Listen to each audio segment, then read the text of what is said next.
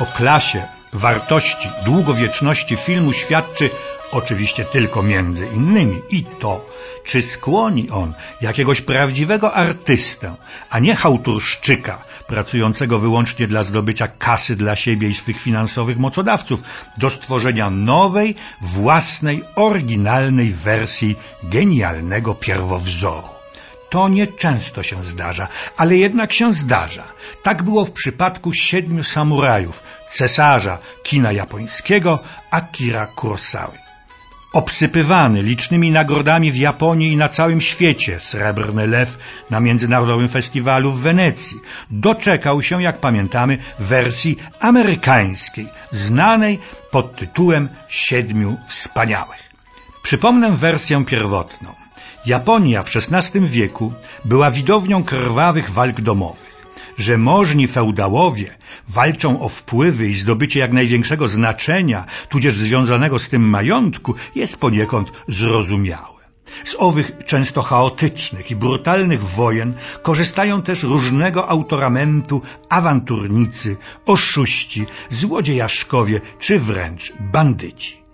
Najbardziej poszkodowanymi są, rzecz jasna, wieśniacy, w znoju i trudzie uprawiający pola ryżowe. Systematycznie ograbiani ze swych skromnych zbiorów postanawiają się temu procederowi przeciwstawić. Sami tego nie dokonają. Decydują się więc wynająć dla swej obrony fachowych wojowników, samurajów. Oczywiście takich, którzy zwolnieni zostali ze służby przez swych zbiedniałych panów i którzy poszukują pracy, a czasami po prostu miski ryżu. Zresztą wieśniacy mogą im zaoferować niewiele więcej. Samurajów zebrało się siedmiu. Każdy prezentuje inny charakter, temperament, doświadczenie życiowe, umiejętności walki itd. Tak itd. Tak Najpierw rozpoznają teren, zarządzają budowę umocnień, uczą chłopów posługiwania się prostą bronią, opracowują precyzyjny i wariantowy plan walki i pokonania bandytów. Bezpośrednie zetknięcie się samurajów i społeczności wiejskiej rodzi jednak dramatyczne nieraz konflikty. Nieufni wieśniacy ukrywają na przykład część zbiorów. Pojawiają się też konflikty na tle osobistym, uczuciowym, bo oto najmłodszy samuraj zakochuje się z wzajemnością w miejscowej dziewczynie i postanawia zostać w wiosce, co wywołuje prawdziwy szok. Okazuje się też, że jeden z samurajów nie jest prawdziwym wojownikiem, ale zwykłym chłopem. Wreszcie dochodzi po kilku potyczkach do ostatecznej bitwy.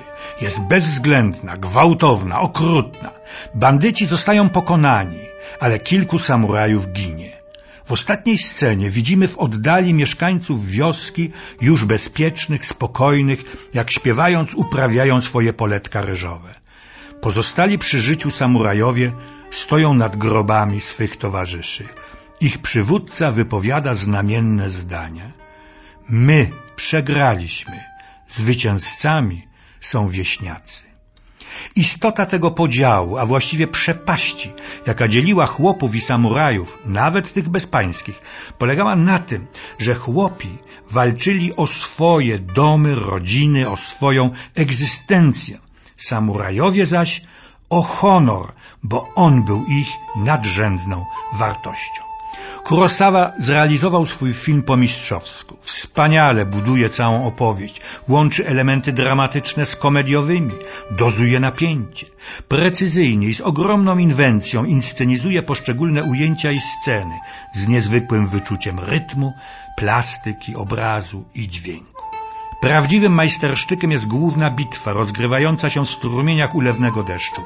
Kurosawa zawsze świetnie wykorzystywał zjawiska atmosferyczne. Deszcz, burzę, wiatr, mgły, zamiecie śnieżne. Bitwa filmowana była jednocześnie z trzech kamer, co w tamtych latach, rok 1954, było prawdziwą rewelacją, a uzyskane efekty po dziś dzień robią wrażenie. W Siedmiu Samurajach główne role grają dwaj jego ulubieni aktorzy. Dowódcę samurajów Takashi Shimura, natomiast fałszywego samuraja Toshiro Mifune. Mifune tak mówił. Nauczył mnie wszystkiego, co umiem. Kurosawa ma rzadką umiejętność wydobycia z człowieka tego, czego on sam o sobie nie wie. Znajomość i zrozumienie życia rozwinęły w nim cechy osobowości, które można znaleźć w jego filmach. Tak jak on odnajduje w nas, aktorach, to, co w nas najlepsze.